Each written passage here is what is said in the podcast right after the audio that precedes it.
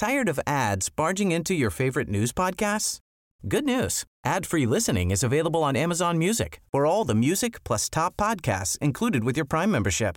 Stay up to date on everything newsworthy by downloading the Amazon Music app for free or go to amazon.com slash news ad free. That's amazon.com slash news ad free to catch up on the latest episodes without the ads. Hey, Dave. Yeah, Randy. Since we founded Bombus, we've always said our socks, underwear, and T-shirts are super soft. Any new ideas? Maybe sublimely soft. Or disgustingly cozy? Wait, what? I got it. Bombus. Absurdly comfortable essentials for yourself And for those facing homelessness. because one purchased equals one donated. Wow, did we just write an ad? Yes. Bombas. Big comfort for everyone. Go to bombas.com slash ACAST and use code ACAST for 20% off your first purchase.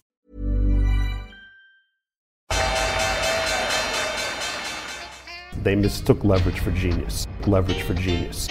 I would recommend Japan. The governments don't rule the world. Goldman Sachs rules the world.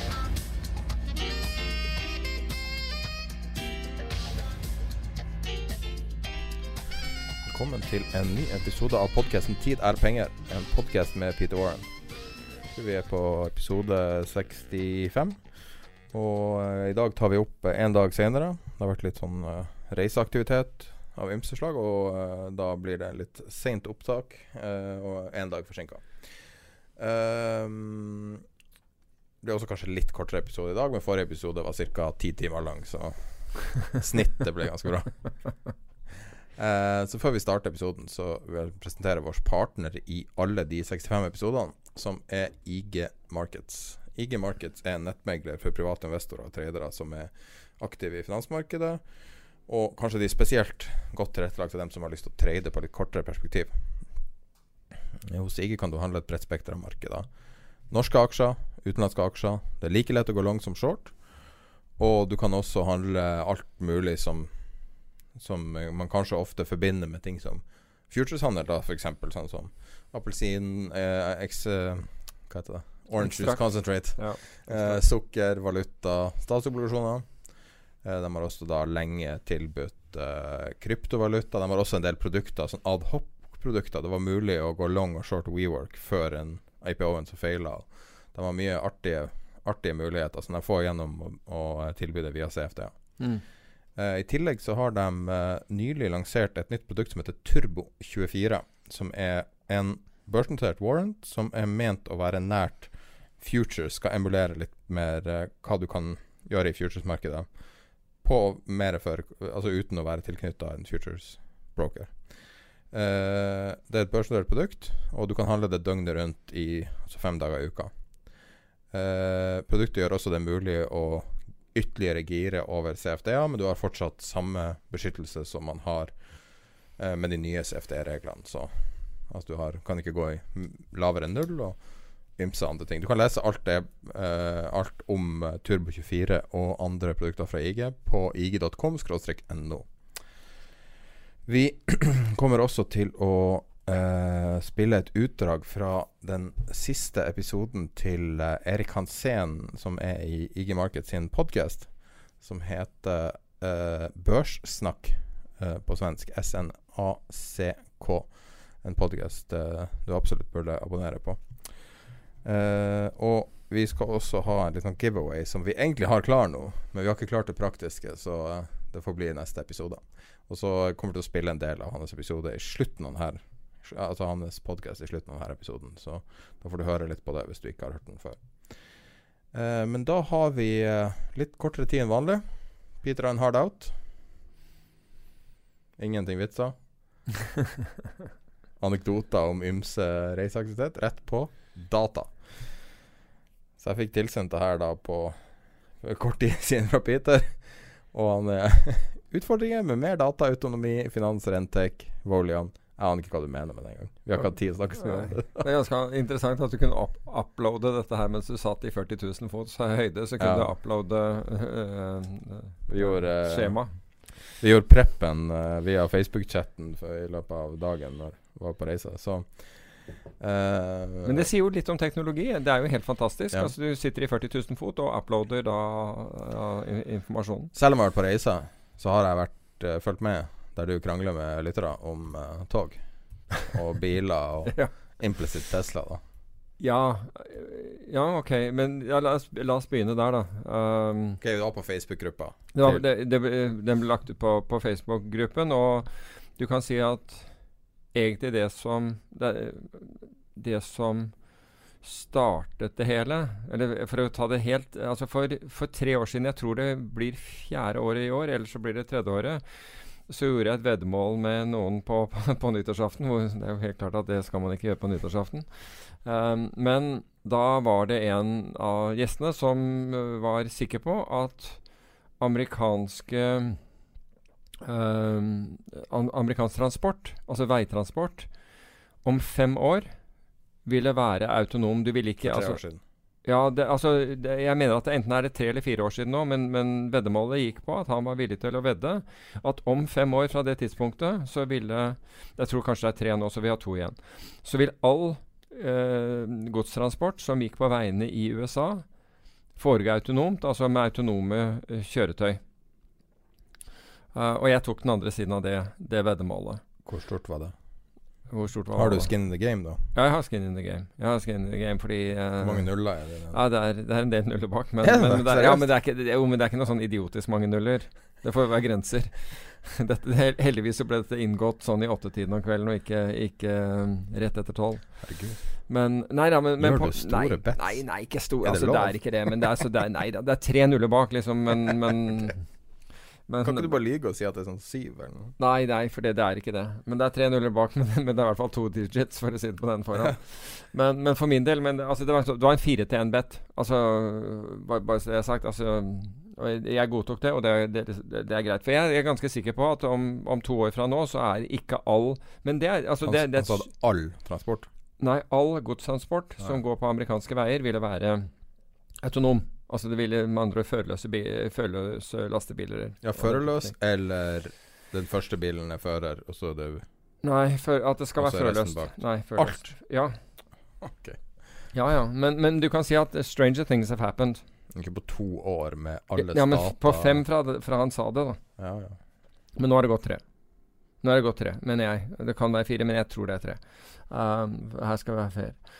Men poenget her er at i denne debatten, og så har jeg da lest mye om det, bl.a. På, på noen av de, eh, de eh, chatfunksjonene som vi har i forbindelse med, med podkasten. diskusjon også med til dels no, Noen av disse gutta er veldig på veldig høyt nivå. Jeg er imponert over, over kunnskapen, og, og, og det sagt fra Den er vesentlig større enn min.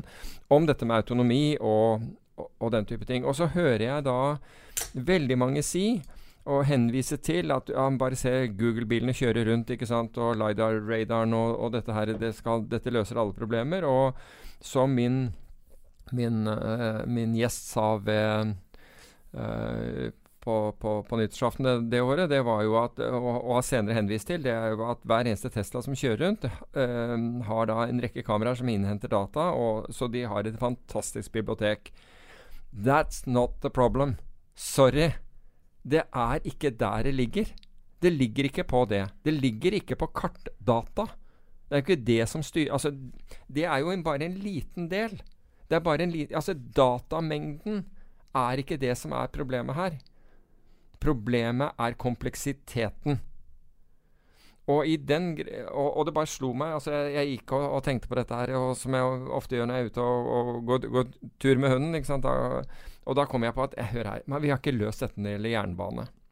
Vi har ikke klart å løse dette problemet. Altså, og nå snakker jeg totalt.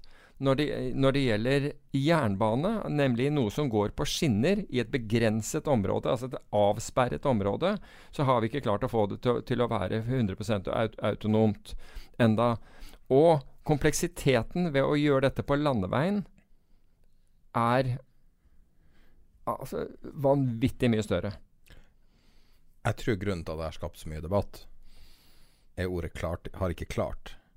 Jeg tror folk kanskje misforsto hva du mente med det. Ja, det, det kan være, men, men ja, For teknologisk ja, går det an å gjøre det. Ja, ja, men, men poenget Men det er fortsatt og, og folk der. Jo, og, og du kan si at min, min Når jeg skrev det, kunne jeg vært mer presis.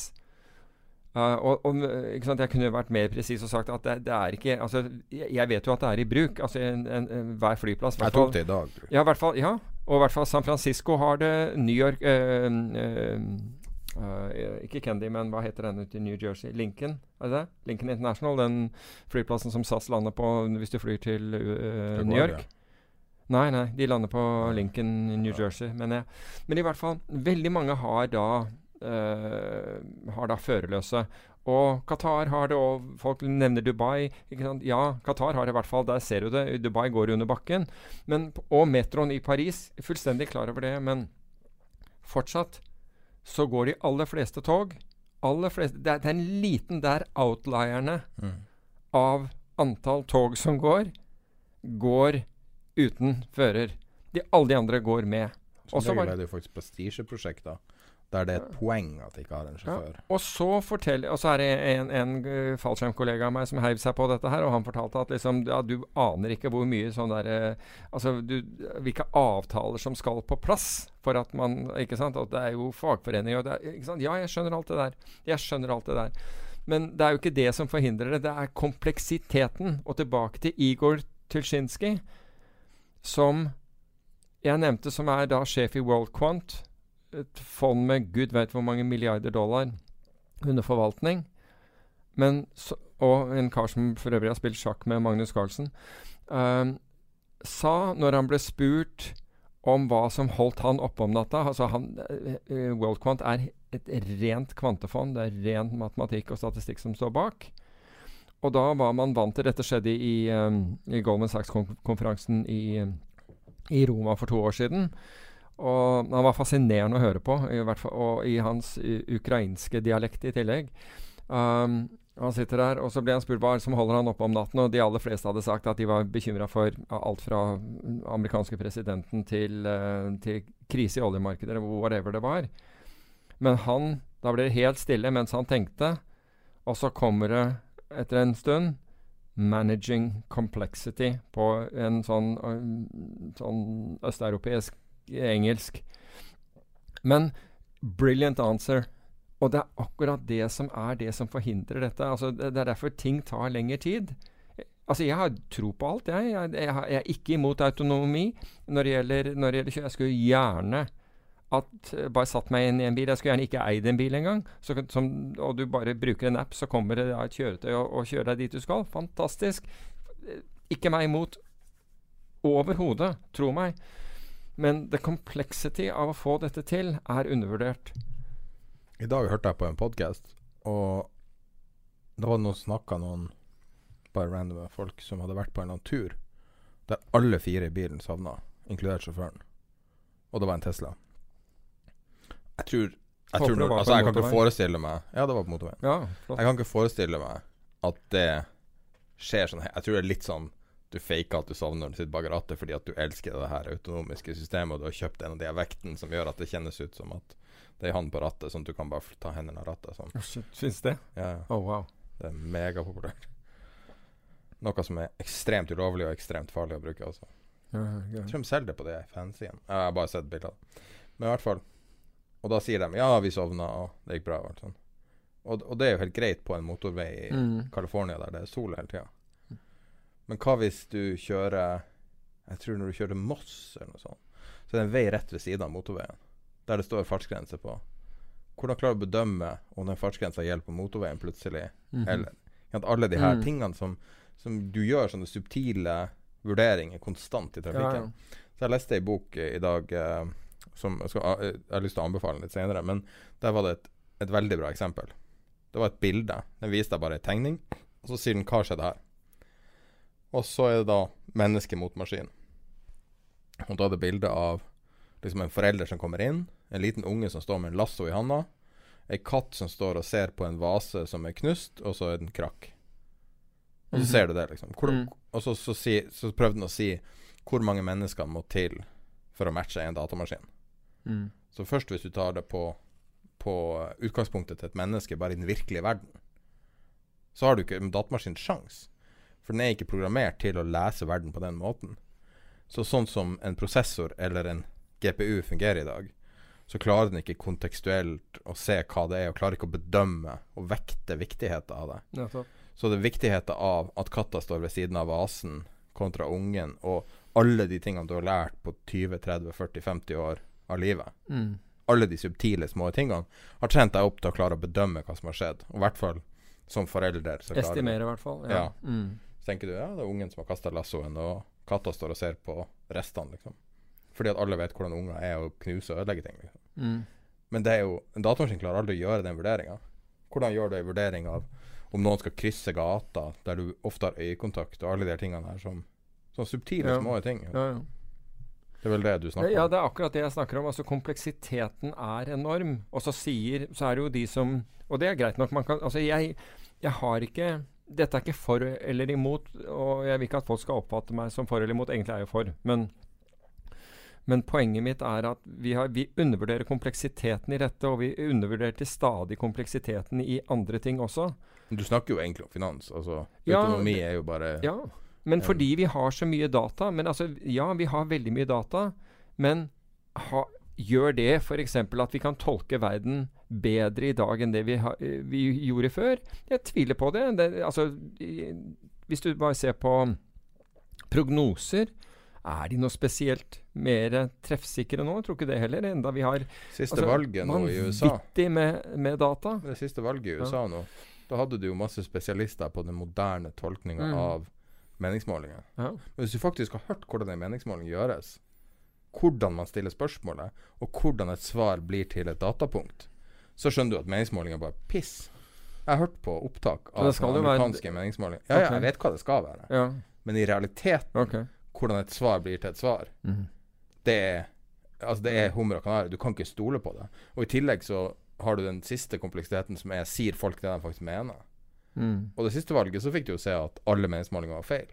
Og du har aldri hatt så mye data som du har nå. Nettopp. Aldri, og det er poenget. ikke sant? Altså 90% av all data som har vært innsamlet i verden, har jo vært, inn, har jo vært hentet inn de siste to årene. Og det forteller oss mye om data. Men med data så øker kompleksitet. Og hvis vi skal dra det over til finans, så er det jo det som er som er, eh, er utfordringen. Og det er jo ikke det at nødvendigvis Og jeg tenker på det selv, og spesielt nå og i det siste hvor jeg har drevet og jobbet med data og, og, og modeller. Ehm, de siste 14 dagene mm, intenst. Så ser, ser jeg jo at det er jo Altså, det, det mer data, det mer problemer får du.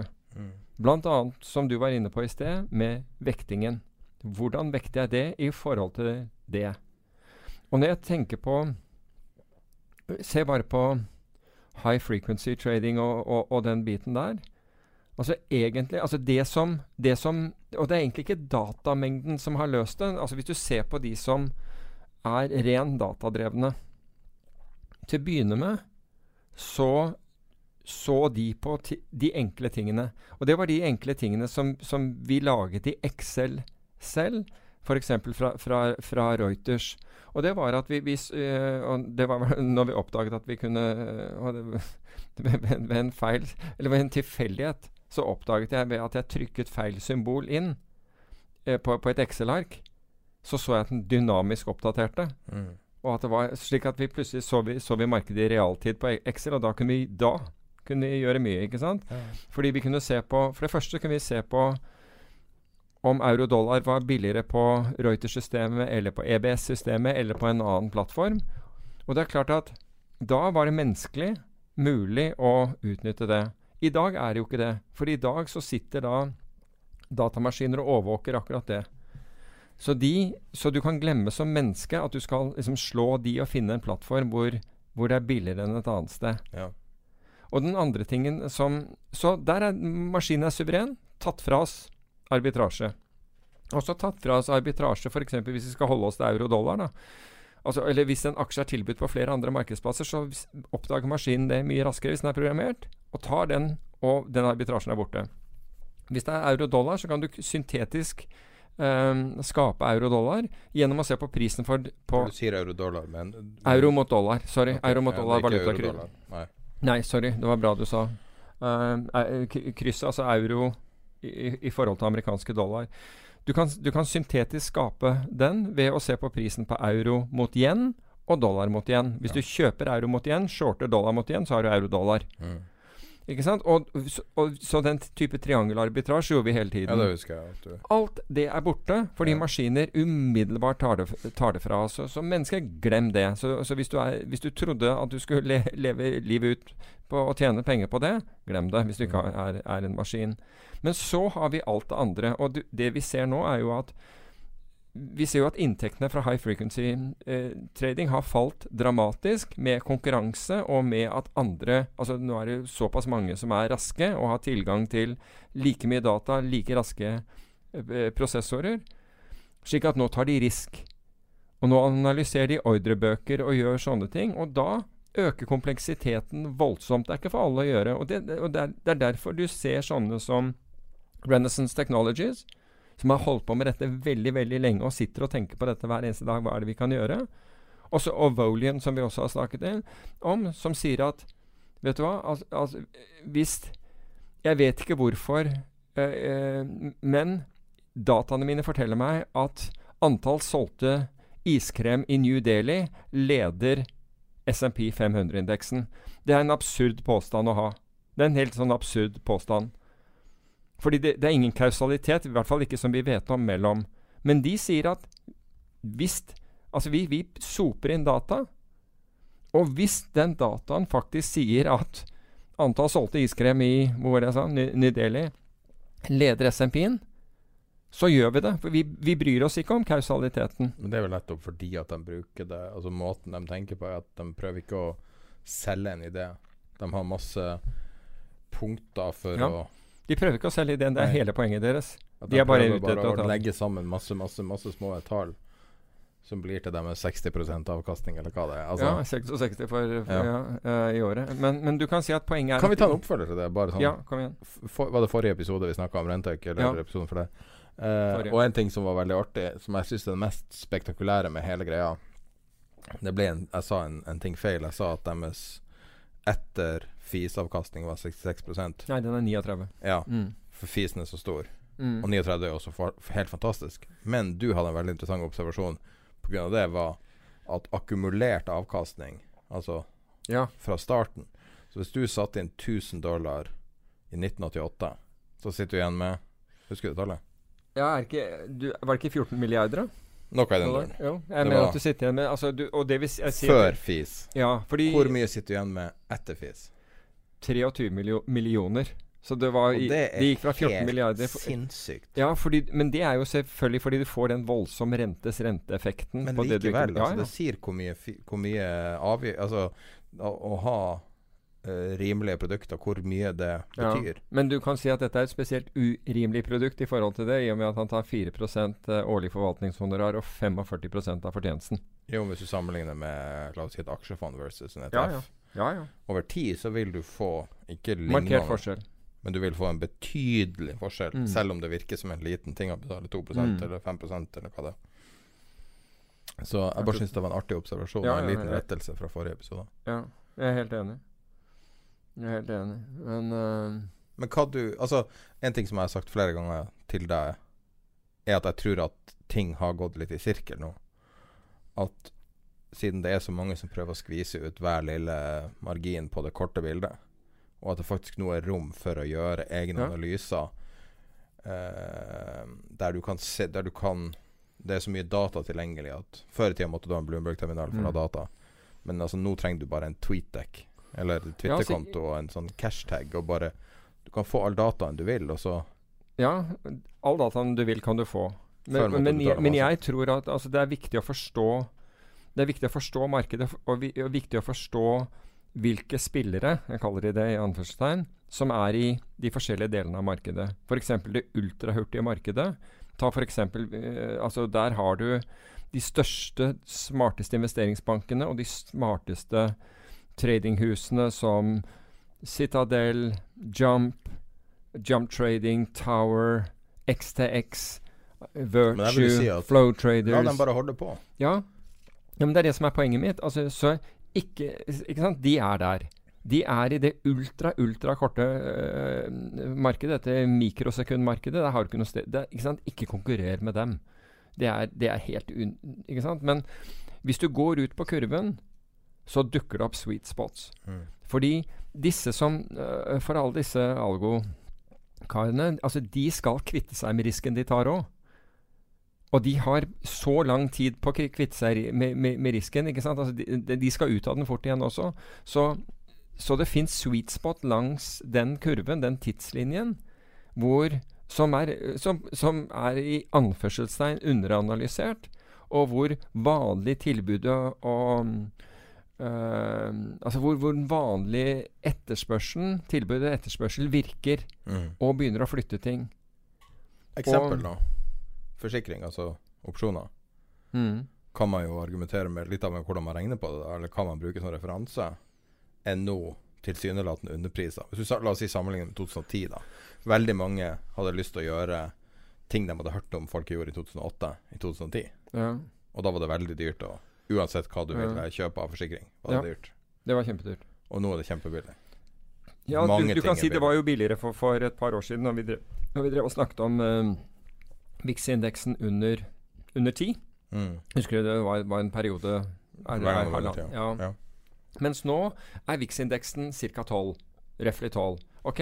Og hva er det det Og hva innebærer Hva innebærer det? Altså La oss bare bruke et tall 12. Ikke sant? Hva, hva innebærer det? Jo, i praksis så innebærer det at SMP svinger med ca. kvart prosent om dagen. Det er det du betaler for der. Ok? Hvis du ser på high-low på SMP-en Altså det er krympet og krympet og krympet. og krympet Men hvis du ser på et 20-dagers gjennomsnitt av bevegelse, høy-lav bevegelse, så er vi nede i 0,69. Ok? Så rett under 0,7% Så ja, du betaler en liten premie ekstra for Altså i forhold til svingningene hvis du, hvis du kjøper deg forsikring. Men den premien er ganske lav, altså. Og hvorfor er den det? Altså hvorfor er folk Det blir Ja, det jeg argumenterer med nå, at Ja. den fortsatt er lav. Det var det den er fortsatt lav, og det ble, ble satt og folk, og, Ikke bare er den- den er, den er lav, men ikke rekordlav. Men det som er rekord, er antall folk som er short volatilitet.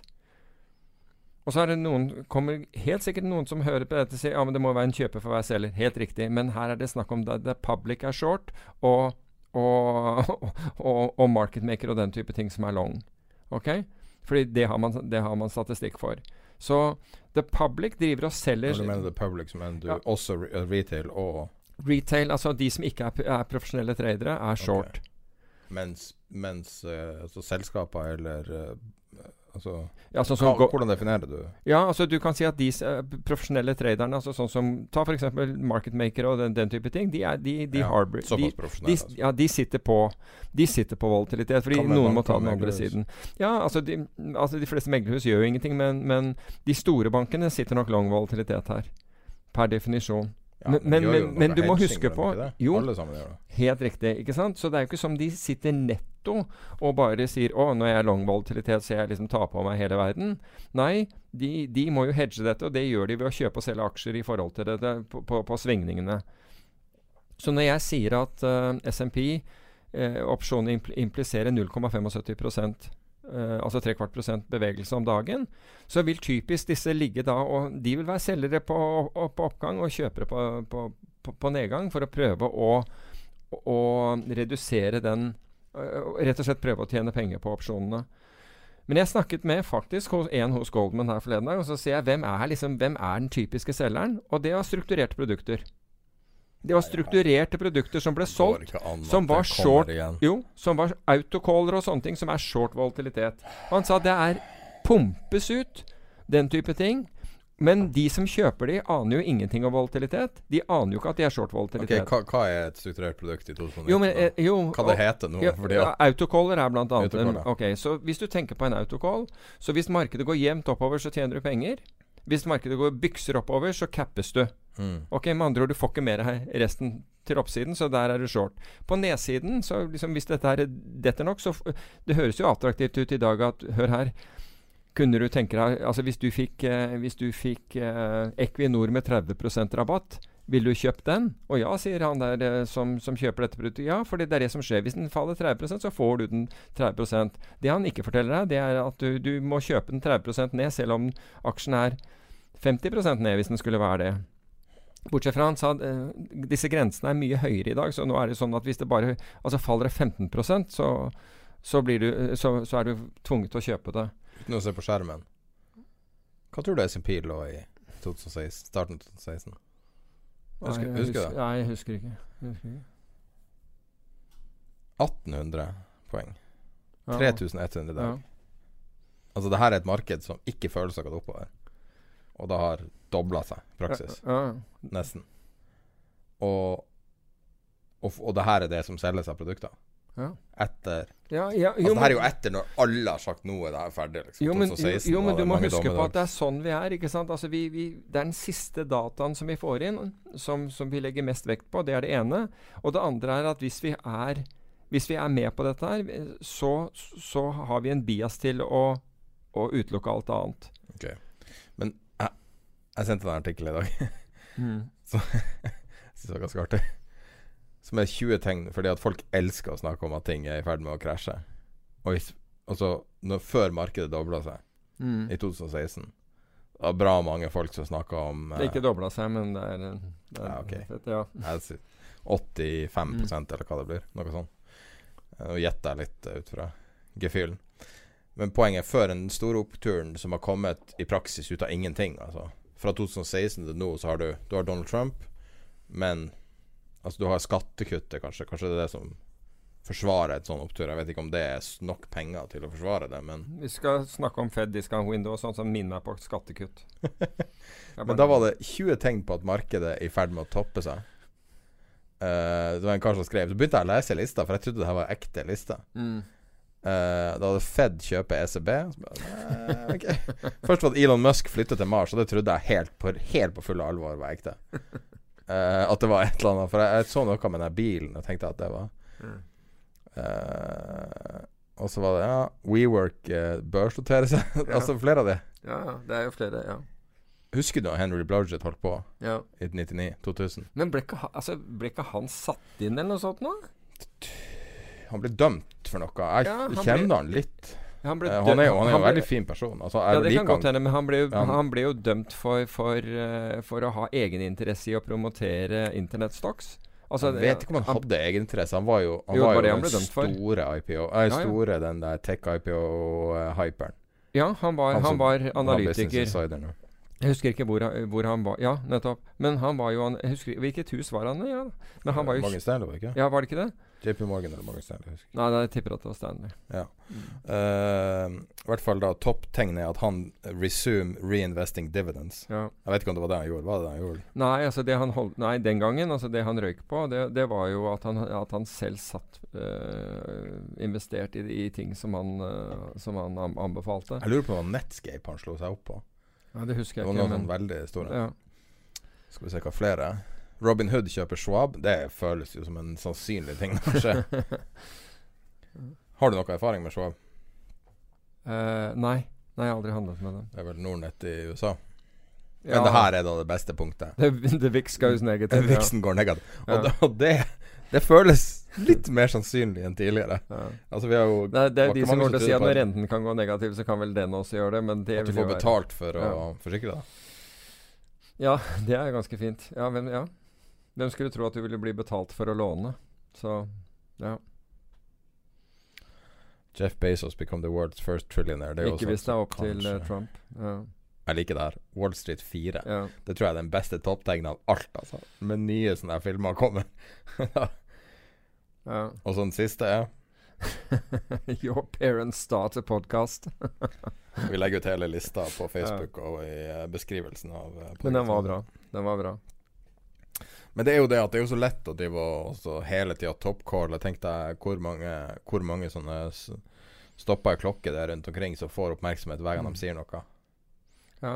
Men altså, nå fikk vi jo den derre vi, vi kan jo ta den. Den uh, Bridgewater. Ja.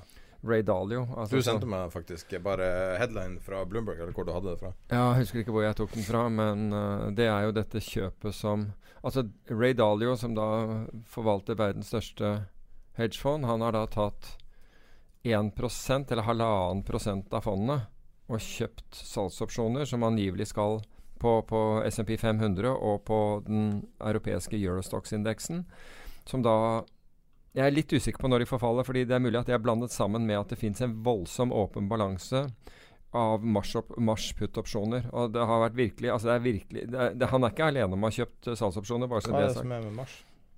Det er bare et av hovedforfallene. ikke sant? Altså kvartalsmessig forfall. Ja, det, er ikke noe, det er ikke noe spesielt? utover- Nei, ikke det jeg vet. Men, uh, men, uh, men i hvert fall uh, Dalio har da jo brukt uh, ca. halvannen milliard dollar på å kjøpe opsjoner. Og da Vet vi noe mer om traden enn om han har kjøpt? Har han gjort noe annet? altså, en mer komplisert enn å bare kjøpe? Ja, den, den er litt sånn best altså, Den er jo litt mer komplisert enn en vanlig opsjonsstruktur, for jeg tror den er det worst of. Altså han får da utbetaling på den som er verst av eh, SMP 500 og, og Eurostox. Det er liksom en, en um, sånn? litt mer avansert uh, opsjonstype. Men, men poenget her Men han har er ikke at noe oppside Altså, han har ikke noe Altså, han har ikke noe flere bein i den, eller noe sånt? Nei, ikke det. Ikke slik jeg forstår. Så det er en sånn colla- collation play. Men, men i hvert fall det som Det som uh, Da journalisten tok seg den frihet å, å, å smelle på, var, det, var en, en overskrift om at han var da vanvittig negativ til markedet, siden han hadde gjort dette. Tok et lite apropos. Han er jo negativ til markedet. Han har Ja, sagt ja, det masse ganger. Ja, og, at han er bekymret for markedet og har, ja. og har påpekt det, det er helt riktig. Så, men du kan si at dette gjør han ikke short, nødvendigvis. Dette gjør jo at han har en hedge. Dersom ting detter fra hverandre, så beskytter han en del av porteføljen. Så han gjør det som vi har snakket om mange ganger. Altså hvis du Altså at Hvis du ikke tåler et fall mer enn 20% ned, eller gud forby, det er vel knapt noen som tåler 20 i, i dag, men, eh, men tåler altså 10, 10 så, så kan du kjøpe deg forsikring som trår inn og beskytter deg fra hvis, hvis, markedet faller mer enn 10% Ja, de har 160 milliarder dollar i assets under management, Mm. så det er jo litt å beskytte der. Ja, det er litt å beskytte. ikke sant? Så, så dette er jo bare at Dalio lever opp til det han sier. Og, altså Når han er bekymret for, for, altså han, for, for utviklingen og ser, ser faresignaler, betyr ikke at han er bearish, men han ser faresignaler og beskytter porteføljen. That's Et, it. et hedgefond som hedger. Et, that's, that's, that's a novel. news, That's, that's, news these days. Ja, ikke sant? Ja, det er en er- novelty i seg selv. Et hedgefond som hedger. som faktisk hedger veldig bra. Um, 160 milliarder, altså. Det er nesten faen meg. ja, ikke sant. Det er, eh, det er penger, det òg. Det er kanskje oljefondet. Så nei. Hva er det de har i dollar? Jeg er ikke sikker på hva de har i dollar, men uh, altså oljefondet er desidert verdens største, tror jeg. Fond. En- Eh, NBIM.no. Ja, det er verdens største, det er verdens største enkeltfond. 10,2 mill... 10 10 000 Ja, glem det. det, det er mer. Jeg gjorde Jeg, jeg hoppa. Gikk fort bort fra den jeg tror jeg klipper den der biten ut der jeg trodde Bridgewater var større enn oljefondet. Um, men det interessante her er jo altså Hvordan virker den, den siste, siste glass vin du tok i 40 000 Jeg, jeg, fot? jeg har ikke drukket vin i dag, men det har vært ganske stor alkoholkonsum på ymse de siste ti dagene, så Ja. Men, eh, Men eh, mest for å døyve fysisk smerte, ja. antar jeg. det har vært slåsskamp. Ja. Men eh, ehm, det interessante er Det ene Det er mange ting med det her saken. Det ene er jo hvor vanvittig mye oppmerksomhet det får. Mm. Det andre er jo også også bare nok et bevis om at enhver journalist som skriver en story, har så begrensa informasjons... I, altså innsyn i hva som faktisk skjer. At det som står i avisa, kan sies å være I alle artikler har et betydelig grad av feil i seg. Fordi at enhver journalist vil aldri ha det hele bildet. Ja, men det betyr, at, syretesten er det, betyr ikke, det betyr ikke at enhver har det. Ikke sant? Ja, men syretesten er hvis du noen gang har blitt skrevet om i avisa. ja. Uh, og hvis du blir intervjua eller et eller annet, og så når du ser det på trykk, Mm. syns du det her er riktig? Kommer det riktig fram? Og jeg har stilt dette spørsmålet til ganske mange, Ja. og alle sier de gangene enten noe de kjenner godt til har vært i avisa, eller de sjøl har vært, så er det helt feil. ja, altså jeg syns jo konsekvent at jeg fremstilles altfor dårlig. Og Ray Dalio var jo ute på Twitter med en gang og sa det er bare Mm. bullshit. Ja, Jeg vet ikke hva du snakker om engang. ja. Så journalisten må jo føle seg ganske dum når han sitter der, liksom. Det tror jeg nok. Det, jeg tror nok at det ikke er så bra, men det gikk jo Men jeg vet ikke. Altså, antall klikk det fikk, sikkert. Vi, eh, altså, det må, må jo ha vært rekordhøyt. Ja, Så Jeg vet ikke om det det Street Journal er jo en betaltjeneste. Så. Ja, så no, Ja. Men, uh, så jeg vet ikke om, om det gjorde at uh, Jeg vil jo tro ja, Kanskje ikke Wall Street Journal er sånn, men jeg, jeg vil jo tro at i mange andre tidsskrifter eller mange andre medier så, uh, eller medie, hva heter det, outlet, så tror jeg at redaktøren ville komme løpende og, og, og sa at det her får du bonus for. Rett og slett på antall på, på trafikken det skapte. Men hva vet jeg. Men det som faktisk har skjedd, er jo at masse Altså, det har jo skjedd noe i to, tre, fire år at hedgefond legger ned én etter én fordi at det lar seg ikke en, e, Egentlig det er jo den nye trenden er at de legger seg ned, men det er at de bare går private. Ja, altså det vi har sett er jo at Egne penger. Ja, e, ja. Men du kan si at hvis du ser hva som har skjedd altså Hvis vi bare går, spoler litt tilbake til volatilitet hva er liksom når, når du, Jeg så det kommentert i dag, at, at, det var liksom noe av den laveste volatiliteten man hadde sett på, på, på, på SMP 500. Altså høy, altså høy til lav på, dagen. Og Jeg så også på en graf Jeg har, har jo mange mål, måltall for dette her. Og det var i, var det i natt. altså Det var jo nesten ikke beve... Altså det, det, er nesten ikke så, så, det, så det beveger seg. Så hva betyr dette? Altså, altså Hvis du drar det opp på et lite nivå, jo, det betyr at risikomodeller de, de tar liksom den, den, den, siste dataen inn, og det kan være de siste 20 dagene, de siste 60, 60 90, men de aller fleste eh, risikomodeller går ikke å se på for det, det, har man liksom falt helt bort fra. Det, det, var en sånn der hvor du skulle ta de, de største eventene i historien. Krakk i 87, eh, finanskrisen, eh, Saddam eh, inn i Kuwait, den type ting. Også, og, og 9-11. Og så skulle, stress, ja, så skulle du stressteste porteføljen din med det. Og de fleste, jeg tuller ikke, de fleste sånn øh, Eh, risikomodellsystem eller risikohåndteringssystemer ville ha det inne, slik at du kunne kjøre porteføljen din gjennom, og da fortelle investorene dine hvordan ville denne porteføljen ha klart seg under, under disse. I dag ingen av dem omtrent har dette her. Ingen av dem har dette her til, tilgjengelig. Er interessant å se oljefondet sånn, gjennom ja, sånn ja, så, med 70% aksjer. Ikke så bra. Men i, og, og, men i, hvert fall, poenget er at man, man har tatt bort dette her. Og nå, ja, men det er seriøst? Hva da? Tatt bort det? Ja, altså Det de, de, de ilegger så liten vekt at det er ingen som gidder å kjøre det gjennom engang. For det kommer aldri til å skje igjen aldri, det kommer aldri til å være en stor bevegelse i markedet igjen. Der er vi. det er stort sett er finanskrise hvert tiende år, sånn rough. Ja, men så, så og det er ti år siden sist. Ja, det er mer enn ti år. Men så tenk deg Det er egentlig mer. Uh, så, så, tenk deg da at alle disse modellene som, som, benyttes, altså som de fleste benytter Det er klart at det fins noen. ikke sant? Vi kan ikke generalisere uh, totalt og si at det er ingen som benytter, for det, det fins de som gjør det. Uh, men i hvert fall de aller fleste benytter nå da data som viser veldig, veldig uh, lav volatilitet. Ok, Det er det ene. Ok, Så, så dataen så, så, spørsmålet er er det representativt, eller kan du få en, en smell. Neste er hvis du får en smell, hva skjer da?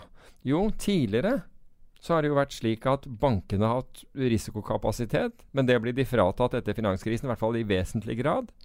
Så de står ikke der og, og opptrer som i anførselstegn ansvarlige marketmakere og sier at vet du hva, dette er billig, nå går vi inn og tar. Ikke sant? Vi støtter opp her. For, er det Glass-Steagall, eller husker jeg feil? Ja, nei, det er Glass-Steagall som eh, ikke sant? Det var opprinnelig Glass-Steagall som ble fjernet av av uh, Greenspan og Clinton. Mm. Clinton skrev under, selvfølgelig. Det som sørga for at uh, det ble boom i hele 90-tallet? Ja, altså Glass-Steagall gjorde at, uh, at, du kunne ikke spekulere for, for, for innskyternes midler. Det er litt den korte versjonen av Glass. Det møtet de hadde før han ble president, er jo ansett å være det viktigste møtet i moderne tid. Hva ser du? Den? Det var vel i januar, rett før han ble innsatt som president. Hvem er det vi snakker om? Greenspan og, og Larry Sumner. Ok Kom i, jeg tror det var Sumner. Kom inn til Clinton og hadde et møte, og så sier han alt du har lovd, hvis du bare gjør en brøkdel av det, så konker du USA. Så du kan ikke gjøre noe. Det eneste, ditt eneste håp for, for at basically økonomi driver politikk i veldig stor grad I, Mange tror at politikk driver økonomien, men og, i hvert fall en del folk vil si at, at det er motsatt. da og han sier at og det de sa angivelig i det møtet, var hvis du slipper markedet fritt, så kan du gjøre det du vil.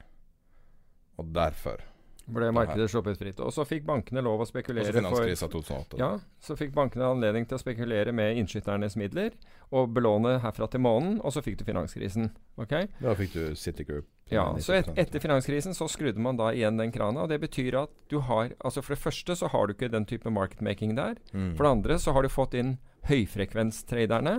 Og de forsvinner så fort det blir øh, så, så, så fort det begynner å regne. Det, det så vi jo i mai øh, i mai 2010. Ikke sant? Da så det i gull for du seks-syv år siden. Fem-seks du, år. har sett, du, har sett det i mass, du har sett det i gull, du har sett det i olje, du har sett det i Du har sett det i enkeltaksjer. Altså, markedet det, Plutselig så tømmes det for kjøpere, og så er det Sveitserfranc. Ikke minst. Var ikke det noe igjen også, tror jeg? Tenkte jeg det. Ja, altså det var igjen Det var, det var i pundet en morgen i Asiatid. Ja, det, ja. 6 fall på pundet i Ja, det- var 9 og en kvart prosent fall på amerikanske aksjemarkedet på Første flash crash, og så de neste på, påfallende 10-15 flash crashene som ikke har fått så mye oppmerksomhet, Ja. som har vært Ja.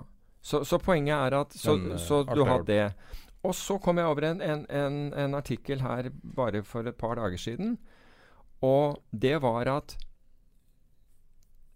nå Altså hvis det var én tid man hadde trengt hedgefond, så er det nå. Hvorfor? Jo, for hedgefond har jo for vane å på en måte ta den motsatte siden. Når noe blir for dyrt, så er hedgefondene shortselgere. Blir det for billig, så de, de skal jo dekke seg tilbake på et eller annet tidspunkt. Og på en måte bidrar til en, en form for markeds Uh, sanity.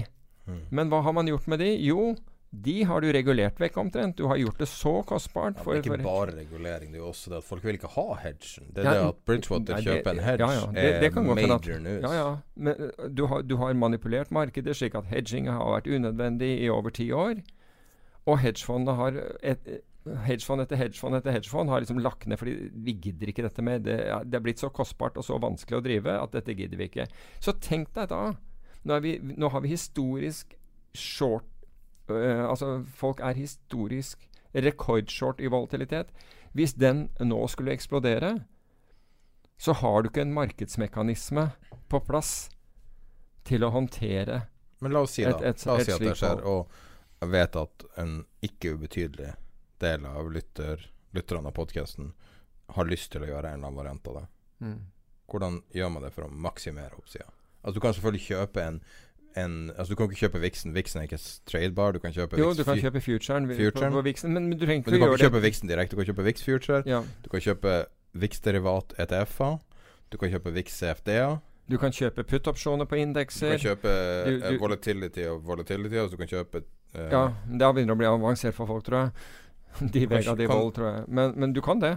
Det er helt riktig at du kan det. opsjoner på, på VIX-EDF-er? Ja, du kan kjøpe, du kan kjøpe salgsopsjoner på, på norske indeksen, europeiske indeksen Men altså, er det ikke det beste er bare å kjøpe ja, men Gjøre en opsjonsstrategi? Jo, Er ikke det fortsatt den beste Jo, måten, hvis altså- du vil ha enorm jo. oppside, mener jeg? Jo, altså du kan si du kan både få oppside Siden opsjoner er billige, så kan du både få opp, enorm oppside og enorm ned, nedside. Altså at du tjener penger på nedsiden um, gjennom å bruke opsjoner. Du, du, kan, du kan erstatte for, Ta f.eks. Siden opsjoner er billig, så betyr det at kjøpsopsjoner også er billig. Mm. Det er ikke bare salgsopsjonene som er billig. Kjøpsopsjonene er også billig. Så du, du kan si det du kan gjøre, er at Du du, kan ikke velger retning, du bare kjøper begge veiene. ja, det kan du gjøre. Og, så kan du, og du kan, altså det, da kjøper du ren volatilitet. Men du kan også si at vet du hva, jeg sitter på en aksjeportefølje i dag som er verdt springer alle hva det er verdt. La oss si det er 5 millioner kroner eller et eller annet sånt.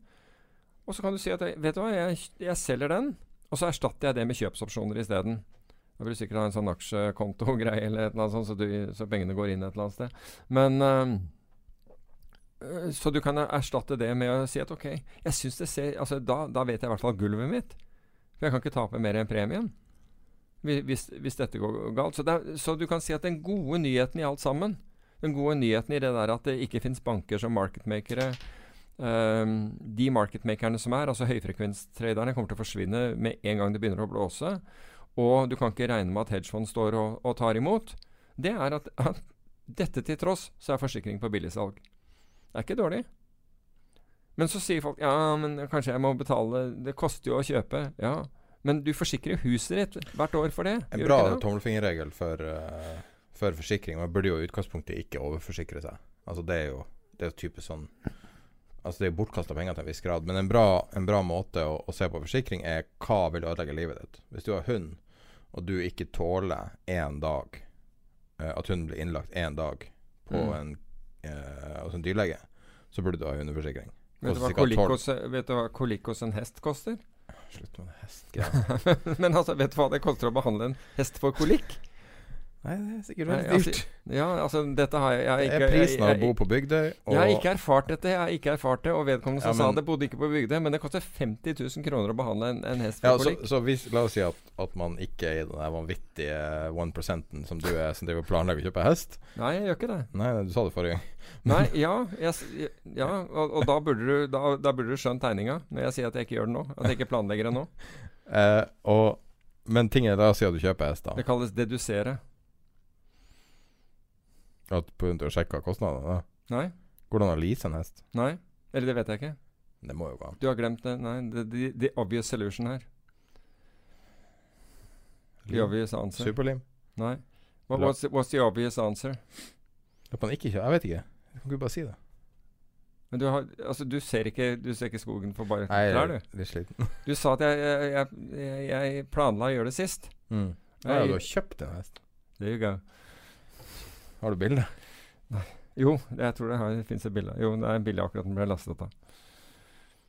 Så Fint med hest, da. Hva sier du? Ja, det er fint med hest. Ja, Har du bikkja møtt den? Hva sier du? Nei, bikkja har ikke møtt den. Nei. Det blir interessant. eh. Ja, men anyway, la oss La oss gå, gå bort fra dette temaet. Du kan vurdere i kveld om du vil jeg skal klippe deg bort. Ja, nei. Men uh, Jeg, jeg gjorde- dro ikke den koblinga i det hele tatt. Men la oss si da at, at du bruker dine siste 100 200 300 Ja. hva enn det koster for en hest, uh, og så sitter du der med den potensielle kolikkregninga. Hvis den konker deg, så Mm. må du ha forsikring. Ja, nettopp. Og det er i praksis Så hvis du tåler at huset ditt brenner, at det ikke påvirker livet ditt, Så så trenger du ikke å overforsikre huset ditt. Da er det bortkasta penger. mm. Men for de aller fleste så er huset den største investeringa, Ja. så det er en, en no-brainer. På bil så er det tilsynelatende overraskende sm- Eller eh, eh, Der må du ha en viss forsikring. Jo, men det er folk som ikke har forsikring også. altså Det fins jo Det, ganske, det var jo nylig rapport. Da har du, eh, da har du et problem. det jo, står jo en bil nede på Oslo S der det står at, denne bilen går Norges dyreste bil til 10 millioner. Eller noe Å, sånt. wow. Der de har skissert opp hva det koster å krasje uten forsikring. Oh, tror 10 eller 11 millioner. aha. Så hvis du har så mye penger at det ikke gjør noe, så trenger du ikke å forsikre bilen heller. Ja, du gjør det, fordi det er Altså, vel lo loven sier jo, at du må men jeg bare sier Ja, jeg sånn. tanken. Men når man da kommer til finans, så kan du i utgangspunktet ta det samme. Samme regelen. Hva Ja. tåler du å tape? ja, og da mener jeg virkelig tape. Ja, men det ingen Men, Men la oss si den strategien din med 5 millioner portefølje. ja. Og så hvis, hvis det koster deg to Jeg vet ikke hva det blir. Hvor, hvor mange prosent må du gi fra Det deg? vet, det vet jeg ikke. Det, for, det, Avhenger an på, det, kommer, ja, det avhenger av hvor lang opsjonen er, og hvor den skal beskytte deg. Du kan si at hvis opsjo- opsjonen f.eks. beskytter deg for, for et fall på 10 da, så er det akkurat som altså, Ja, hvis altså, du vil Det er akkurat det eie samme som egenandel, ikke sant? Hvis du kjøper calls, Ja. Da bare erstatter du eh, porteføljen din med, med, så et par med prosent du sier fra deg. Ja. ja, et eller annet sånt. Et eller annet sånt. Og da, da vet du at du kan tape.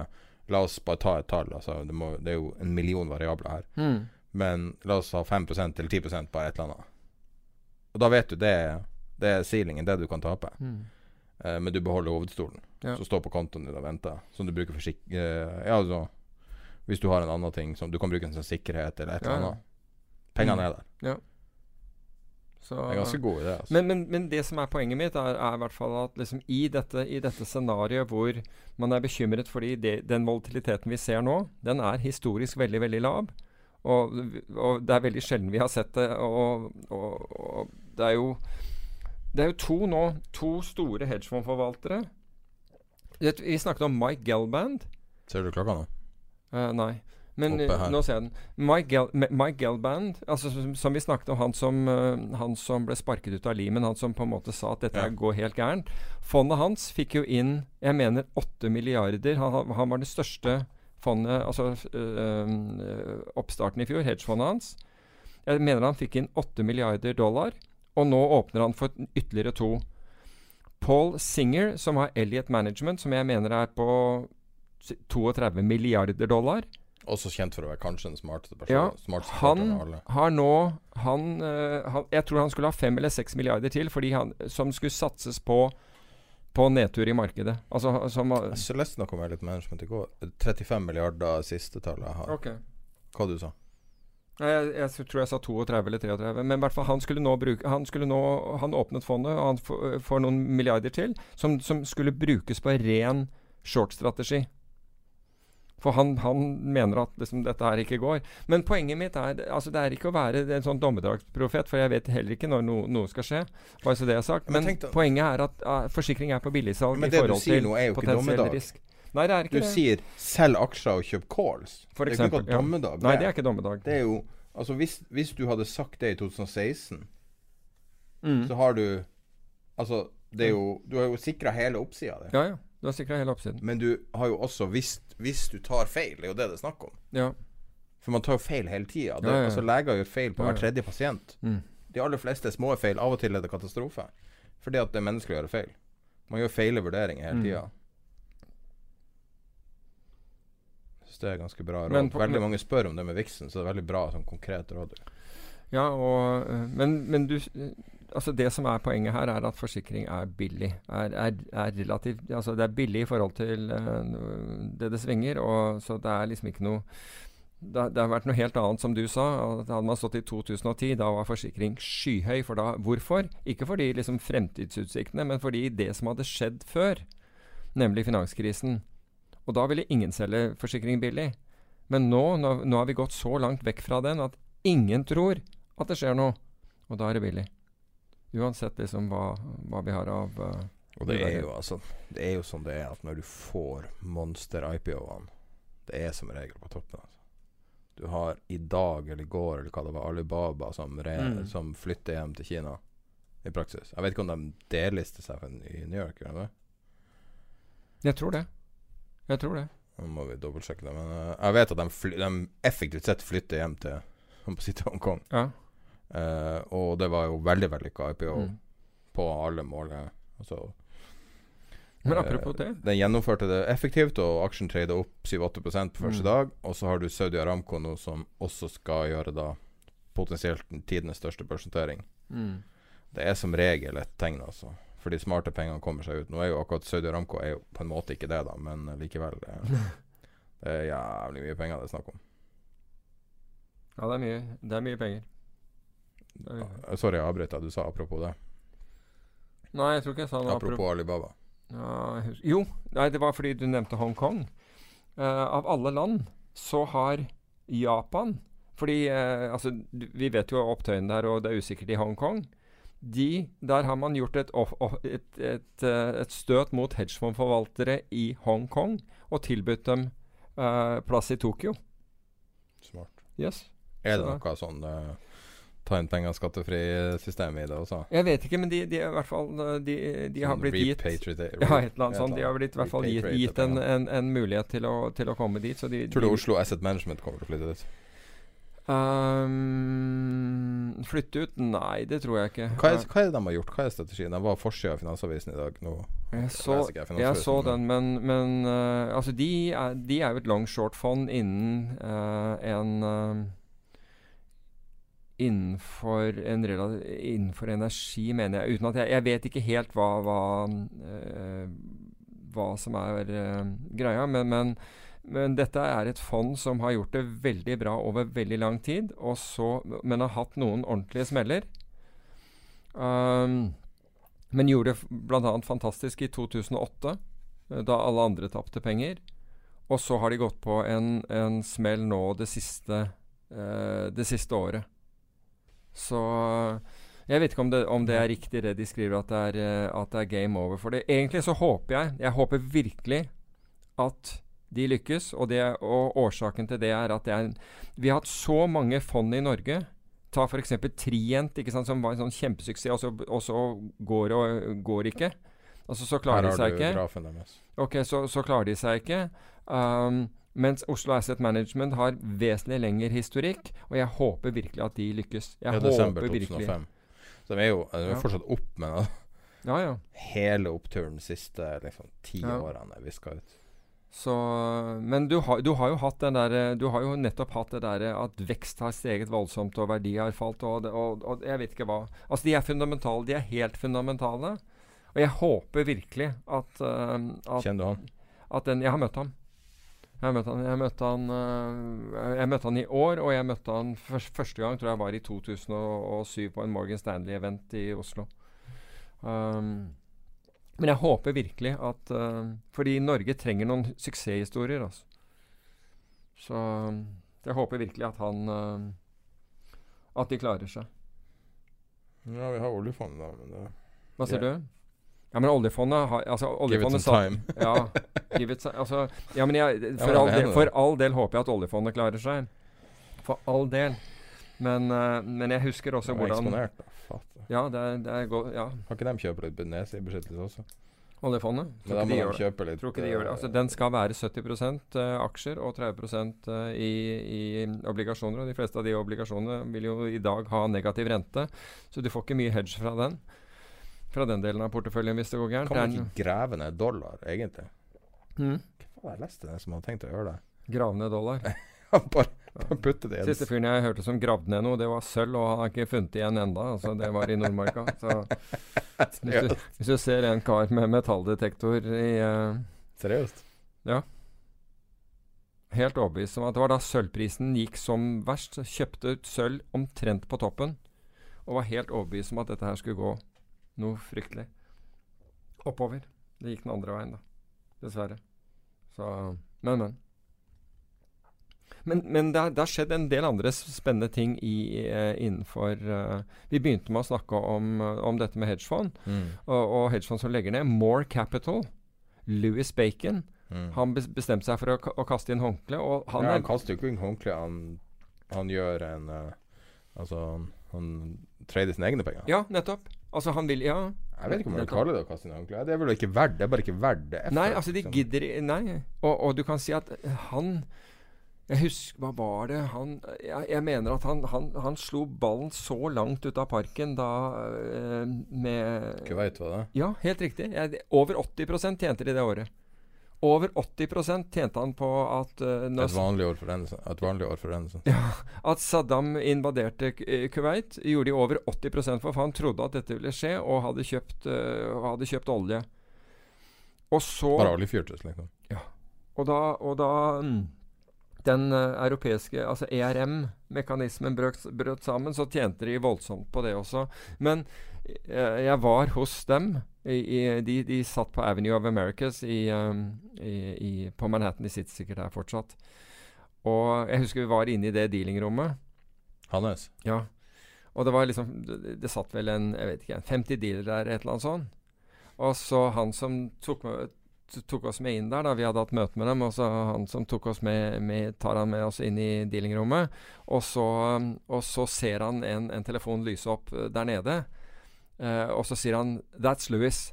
Altså Louis Bacon. Og Louis Bacon var på det tidspunktet i For han ringte på en egen linje. Og, um, og uh, han uh, sjefstraderen hans da tar denne telefonen, og så sier han uh, at uh, Louis is in London at the moment.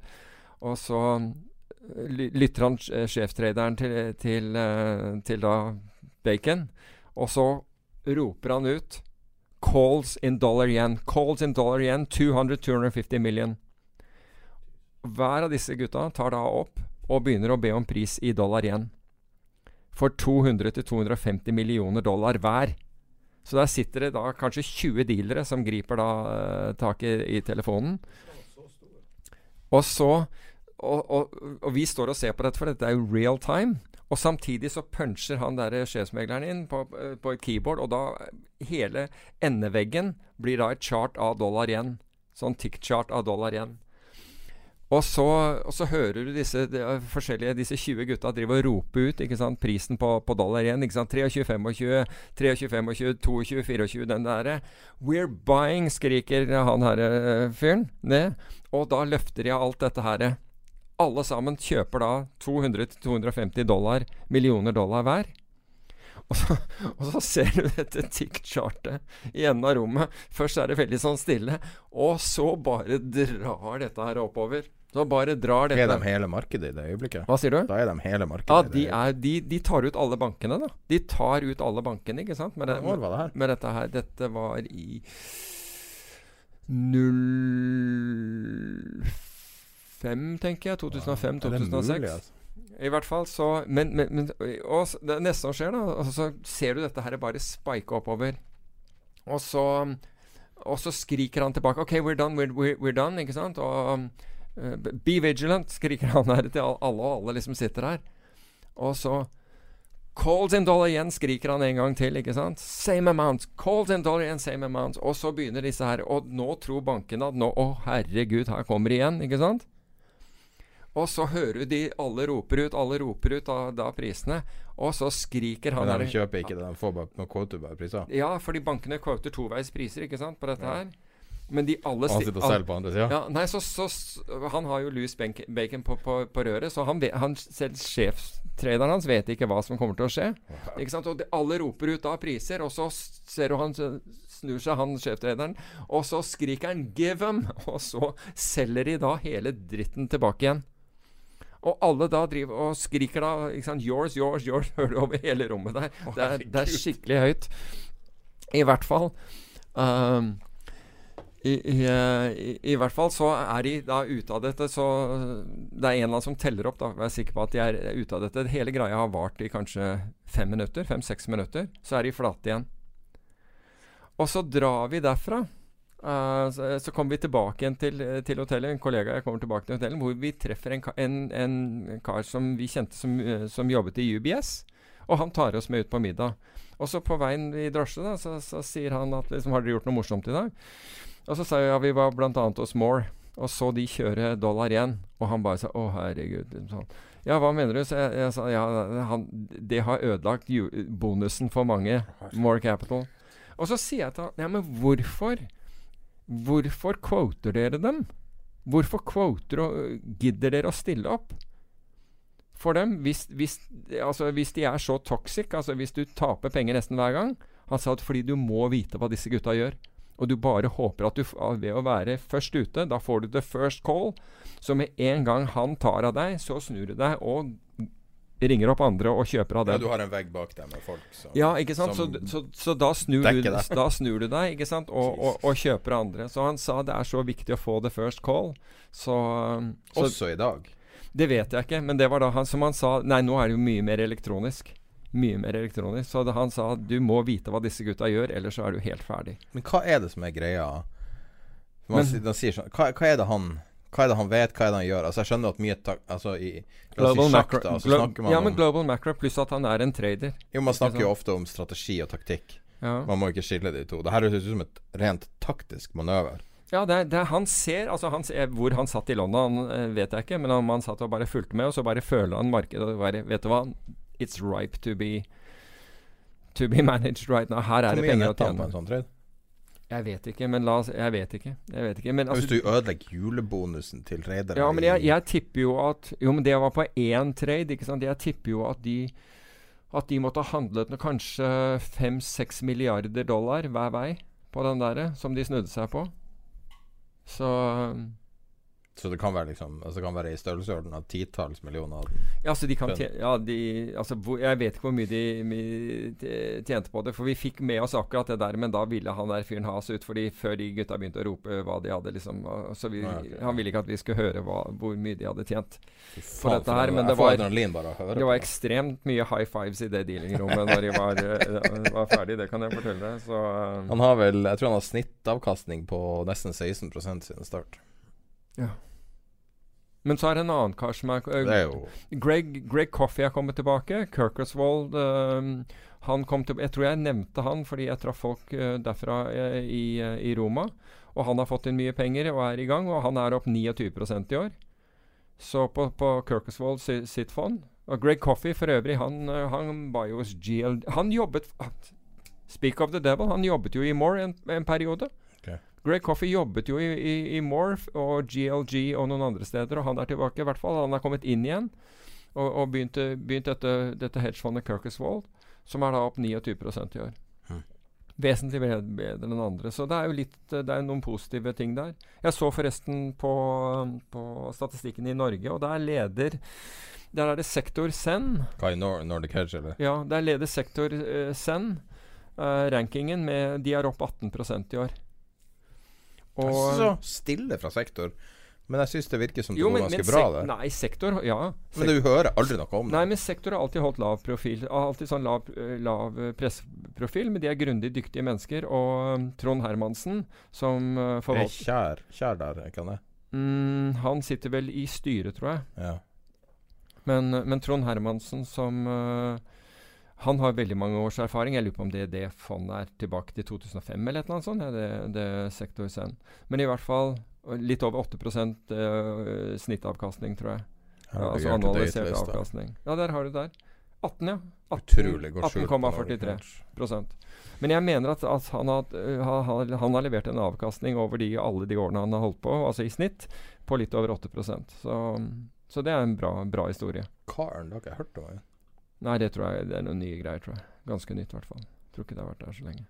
Men uh, Ikke det at det,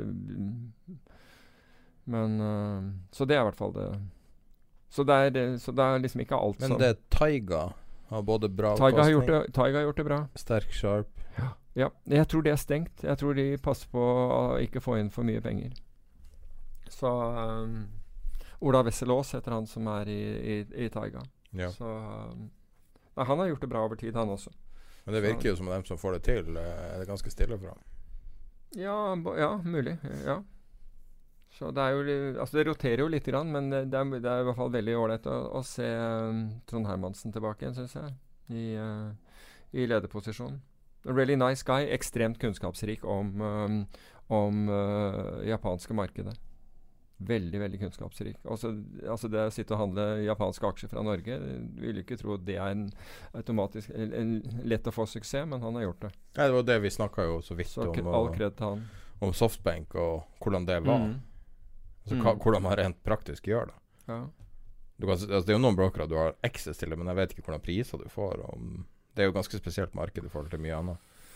Ja, jeg vet ikke. Altså, jeg har som sagt ikke handlet tror ikke jeg handlet japanske aksjer. Jeg tror tikkeren til Alibaba var 88,99, var det ikke? Jo, men det er sånn lykketall. Ja, kinesere har lykketall. Ja. så, oh, uh, er vi kommet til annet nå? Altså, vi er jo på overtid Ja. nå, så Men på bare for, 16 for annet, fordi det, der, var det, der var faktisk noe som gledet meg. Og det var at jeg så inn, innbydelsen. Jeg var ikke der, men innbydelsen til formuesforvaltning hadde en sånn, sånn dag. Uh, og husker du vi snakket om Norwegian Risk Forum? Forum? Ja. Han som eh, driver det, altså primus motor der, Arne Elias Corneliussen, han var invitert til å snakke om den nye Silkeveien hos formuesforvaltning. De hadde en sånn fulldags eh, greie. Så det er andre gang Jeg vet at podkasten har blitt spilt av hos dem, så Ja, det de men- må men- ja. opp det der. Men nei, det, ja, hvem vet. Men, men eh, jeg tror sikkert at de planla denne agendaen før det. Men, men poenget er at dette er andre gang vi gir honnør til uh, formuesforvaltning, som vi ikke er sponset av, bare så det er sagt. Men jeg, jeg syns det var utrolig Enda. kult. Ja, men, enda. Men jeg, tror jeg syns det var utrolig kult, for det, det er liksom Sånn som Skagen har gjort, altså med, med å ta inn kontroversielle mennesker og interessante mennesker, ikke som bare tyter ut og, og promoterer deres egne, egne greier. De tar veldig mye altså Skagen-konferansen er jo vesentlig eh, andre eh, forvaltere og, og, økonomer som snakker. Så, så syns jeg at formuesforvaltning hadde gjort en veldig god jobb i, eh, i, i dette. Men vet du, ja, vet du hva, hva, er den letteste jobben ja, Dette har jeg funnet ut. Hva er den letteste jobben innenfor finans? Den som har den letteste jobben innenfor finans. Hvem vil du tro det er? Uansett hva, liksom. Ja, uansett. I hvert fall jeg har funnet ut. Det å det er noe. Alt jeg kom på, var vanskelig. Jeg skulle prøve å finne sånn massøren til, Nei, eller et eller annet sånt. Nei, nei. Pressetalsmannen til, til Finanstilsynet. Ja. Konsekvent svarer ingen kommentar. Uansett når de blir kritisert, har dere sett på dette? Har dere liksom hva Med den hvitvasking ser dere ingen kommentar. Det er snakk om boliglånsundersøkelse. Hvis én Hvis én jobb kan erstattes med, med, med sånn der eh, voicemail Hvis Oi. én Hva da? Hva det Én, to, tre, fire, fem, seks Syv stykker Ja. jobber der. Ok, så hvis, hvis. Tuller du med meg, eller? Her er Det avdelinga. altså hvis Ok. Der har du syv jobber som kan er- erstattes av voicemail, altså.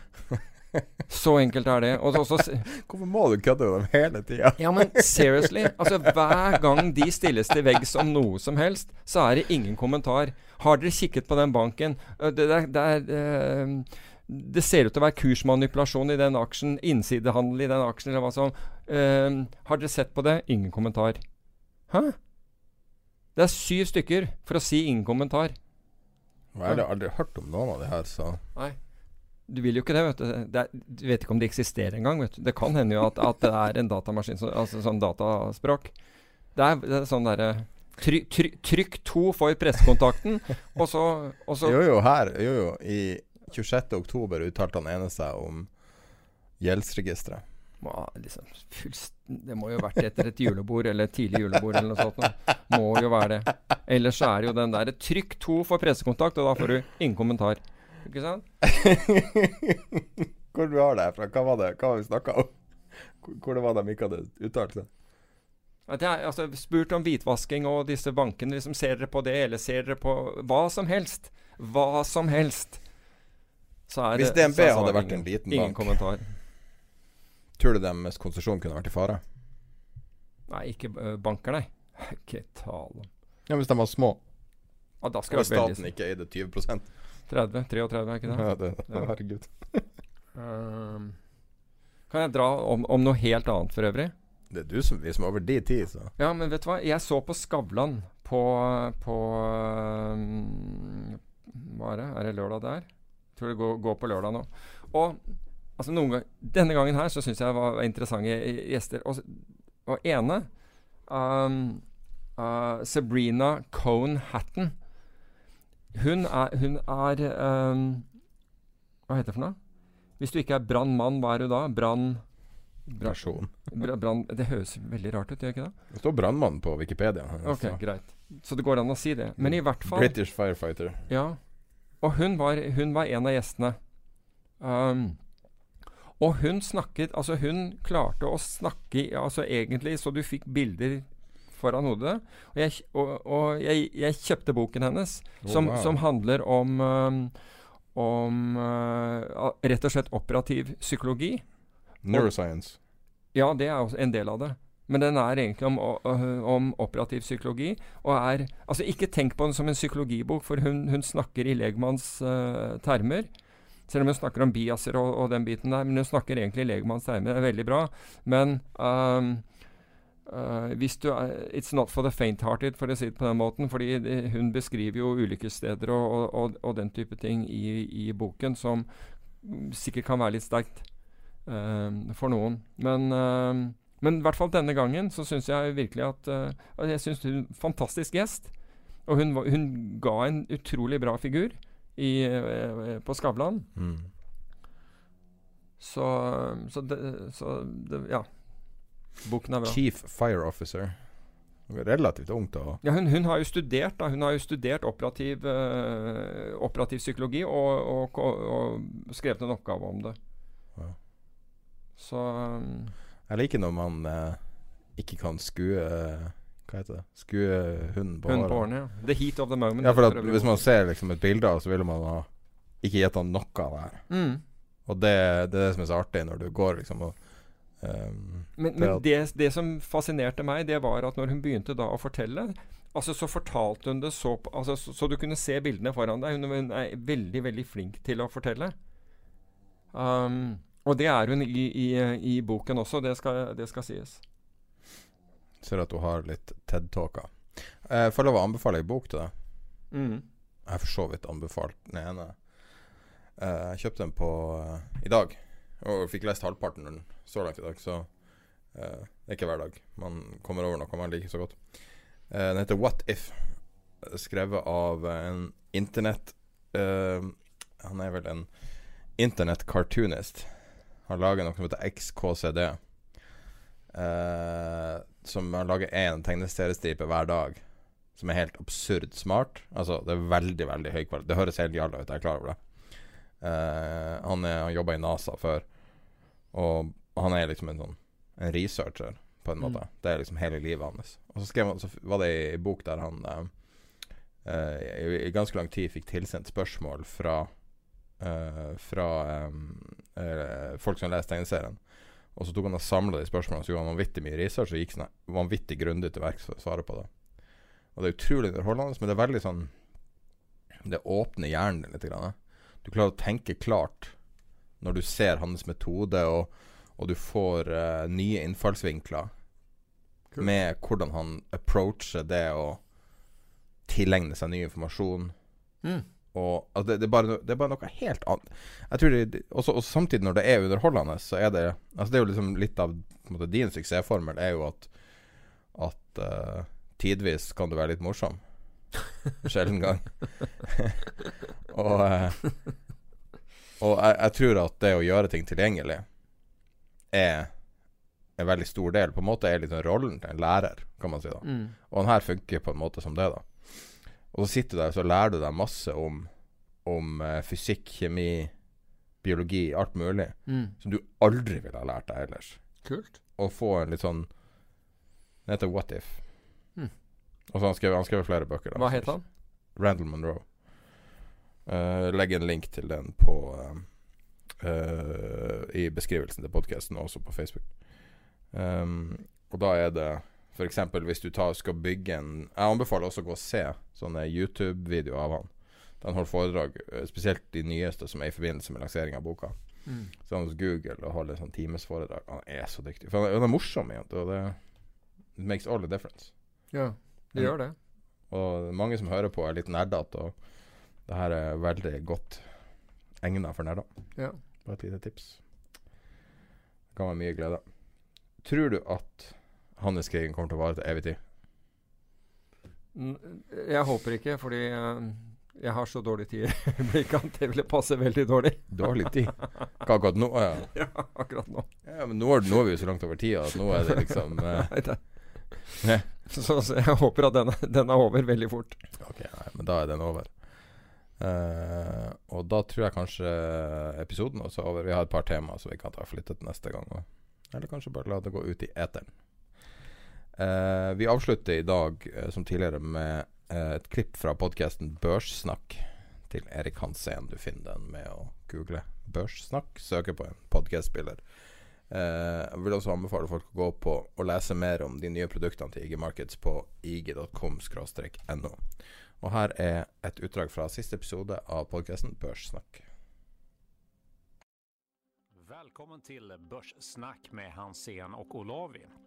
Jag heter Jonas Olavi och är allokeringschef på Alfred Berg. Det här är avsnitt 60, inspelat torsdagen den 21 november.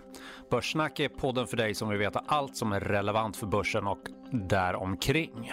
Podden sponsras av IG Markets, en global nätmäklare som är noterad i London. IG är det självklara valet för investerare som söker ett alternativ vid sidan av de traditionella aktörerna och som söker ett betydligt större utbud av produkter att handla i och inte minst flexiblare handelstider. Stort tack till IG. Erik är på semester, men med mig har jag en av de många skarpa hjärnorna från Swedbanks strategi och analysgäng, nämligen Robert Ollstrand. Välkommen Robban! Tack Jonas. Kul att du är här. Hur känns det? Ja, det känns bra att få lite ljusare tillvaro i novembermörknet som vi har just nu. Då, så att det blir trevligt. Ja, kul. Jag tänkte börja med att värma upp dig med fem snabba frågor om det är okej. Ja. Börsen upp eller ner 2020? Ja, eh, glaset är halvfullt, eh, säger upp. Det blir ingen recession. Centralbanker stöder, räntan håller sig i schack. Ja, vinsterna ser ut att kanske hålla i sig också då, så att upp. Ja, bra. Fundamental eller teknisk analys? Ja, det är ju en svår fråga. Jag har ju en förkärlek för teknisk analys. Kan man lägga in en tid, tid som parameter, tid är en begränsad resurs, så teknisk analys. Mm. Trump avgår som segrare nästa år i presidentvalet eller inte? Ja, jag skulle nog tro det. Eh, Demokraterna ser inte ut att ha något riktigt vasst alternativ än så länge. Så att, eh, konsumenterna har det ganska bra. Ekonomin går starkt, så att varför välja bort något osäkert? Mm. Guld eller bitcoin? Oh, eh, bitcoin, jag förstår caset, men nej, guld. Okej. Cykliskt eller defensivt på sex månader? Ja, alltså om jag nu tror att eh, börsen ska upp så vill jag nog inte att det ska ses, eh, drivas av då defensiva aktier utan ja, jag lägger mitt kort då på cyklist. Toppen. Förutom att samtala med Robert idag så tänkte jag diskutera förutsättningar för börsen i ett kortare perspektiv och också framåt in i 2020. Jag kommer också nämna ett par bolagsobservationer från min nedlagda Momentumfond. Och det här är en fond som om den har fått stå orörd från den 18 februari när jag lämnade över portföljen när vi stängde ner den eh, så skulle den varit upp hela 36 procent. Det är 12 procent före sitt benchmark och det skulle placera den i topp 3. Jag kommer lägga ut en kopia på portföljen i Twitterflödet lite senare. Men eh, nu kör vi igång.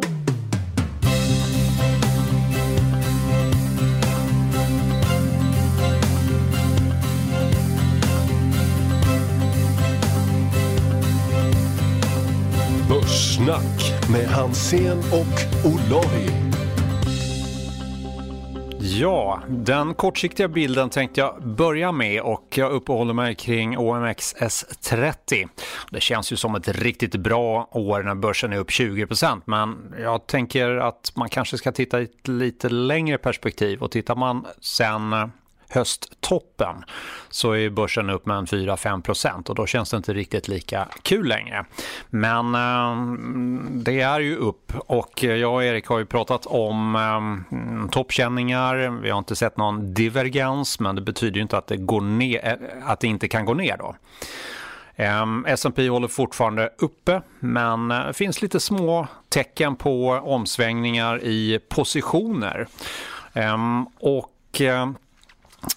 jag tänker främst på Potkol, har varit nere och bottnat men uh, nu börjar fler hedga sig för en uh, utveckling i negativ riktning. Och tittar man på Fear and Greed Index som jag har pratat om som man kan hitta på CNN Money så um, har den varit uppe på extremt giriga nivåer och håller på att rulla över.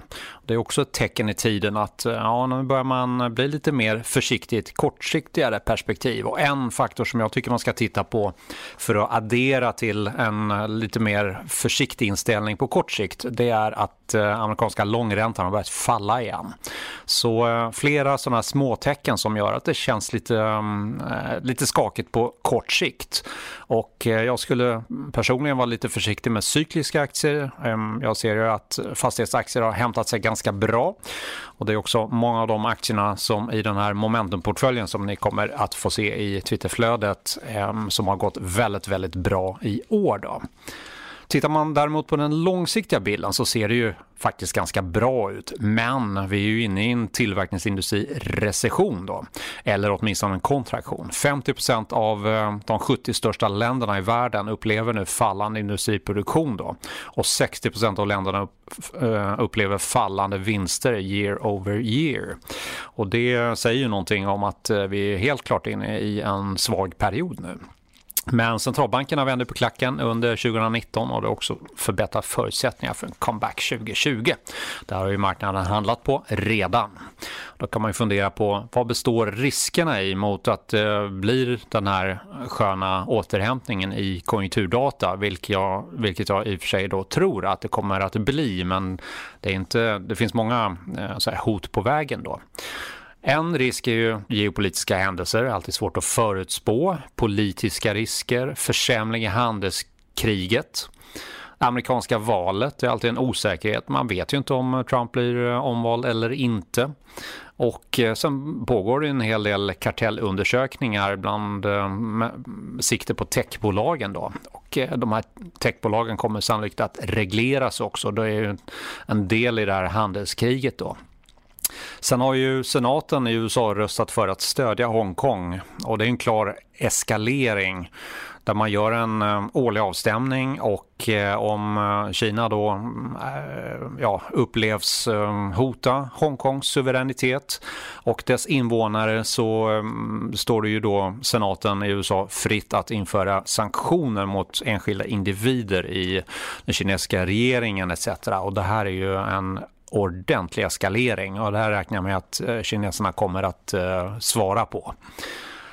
Mot det her då så är det ju så att om det nu blir sämre tider så kan man ju också räkna med att stimulanserna kommer igång då, kanske även från finanspolitiken den här gången. En annen positiv faktor skulle ju vara att Brexit-uppgörelsen eh, går åt rätt håll eller att de till och med tar sitt förnuft till fånga tidigare talmannen John Bercow. Han har ju sagt att Brexit var the biggest foreign policy mistake in the post-war history. I couldn't agree more. Och att handelskriget går mot en handelsfred eller deskalering då. Så ja, det finns ju både för och emot här och det kommer vi ha möjlighet att diskutera här eh, framöver i podden. Men om återhämtningen i konjunkturen går som vi hoppas så finns det några ganska enkla och tydliga implikationer som man kan handla på. Räntorna bör stiga vilket gynnar banker men det missgynnar uppfattningen om fastighetsaktier därför att det är en placeringstillgång. Bolagen per se, fastighetsbolagen kommer inte att drabbas nämnvärt negativt särskilt som konjunkturen dessutom då stärker, stärks. Um, Dessutom så kommer små bolag att gynnas kontra stora bolag så det kan bli ett småbolagsrally under nästa år om vi får lite bättre konjunkturdata. Och emerging markets bör slå utvecklade marknader. Tittar man på det här med bankerna så om man tittar på de svenska bankerna så är de väldigt lågt värderade. Och nu är det ju mycket nyheter kring bankerna. Och det är ju naturligtvis inte rosenskimrande rapportering men eh, icke förty som bankerna står och går så tycker jag att eh, de är köpvärda eh, utifrån ett perspektiv att de är för lågt värderade. Men nyhetsflödet kommer vara fortsatt jobbigt. Nordea är ju billigast på på Pricebook 08 Um, och vill man titta på Danske Bank, om man nu vågar göra det, så är de nere på 0,5. Det är ju en krisvärdering. Det pekar ju nästan mot att banken inte kommer överleva. Swedbank som tidigare var dyrast ligger nu kring bok då och det är väldigt, väldigt lågt då. Det förekommer en del rekommendationsförändringar just vad gäller Swedbank och man pratar bland annat om utdelningsrisk där att man kanske behöver spara lite igen. Må så vara, men eh, det kommer ju sannolikt ändå var betydligt bättre än börsens genomsnitt. Jag kommer lägga ut den här tabellen på bankvärderingarna i Twitterflödet också.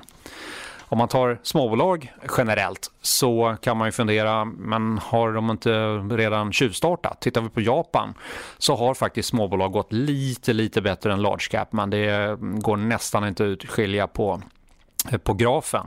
Så här är det upp till bevis om eh, de japanska småbolagen kommer att dra. Generellt sett så har det varit en tuff period för småbolag sedan 2015 om man tittar på just japanska aktier. I EU så är det lite annorlunda. Här har vi perioder när småbolag går väldigt, väldigt mycket bättre. Vi hade det faktiskt från 2015 och eh, bottnar 2018. Sen har stora bolag gått bättre.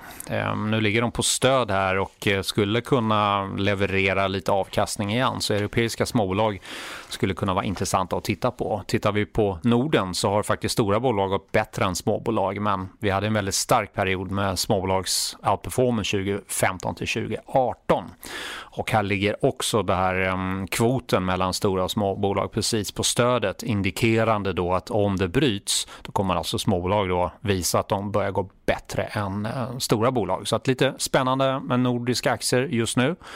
Och tittar vi på USA så där har också stora bolag gått bättre än småbolag. Men sen i somras har faktiskt småbolag gått bättre än de lite större och det är väl techbolagen som har stannat upp lite grann det här caset om att investera i emerging markets, det kan man absolut fundera på. Och tittar man på breda eh, MSCI World Emerging Market Indexet så är det kanske mest intressant att titta på vinstprognoserna. Och här har vi äntligen fått ett trendbrott. Hela 2018 ner till 2019 och i princip de senaste månaden, månaderna så har eh, vinstestimaten börjat vända upp igen. Så det är ju någonting som kommer vara stödjande, inte minst för intresset och det ser vi också i Fund Manager Surveyn. Och eh, den sista då, eh, observationen om man då ska ha en kraftig övervikt i EM, det tror jag inte är helt rätt. Eh, jag tror att många av de utvecklade ekonomierna kommer att gå eh, bra också. Utan då är det betydligt mer intressant att eh, fundera på vilken emerging market som man är intresserad av och där kan vi återkomma till i ett senare skede. Men eh, nu tänkte jag att vi bjuder in eh, Robert i eh, samtalet igen.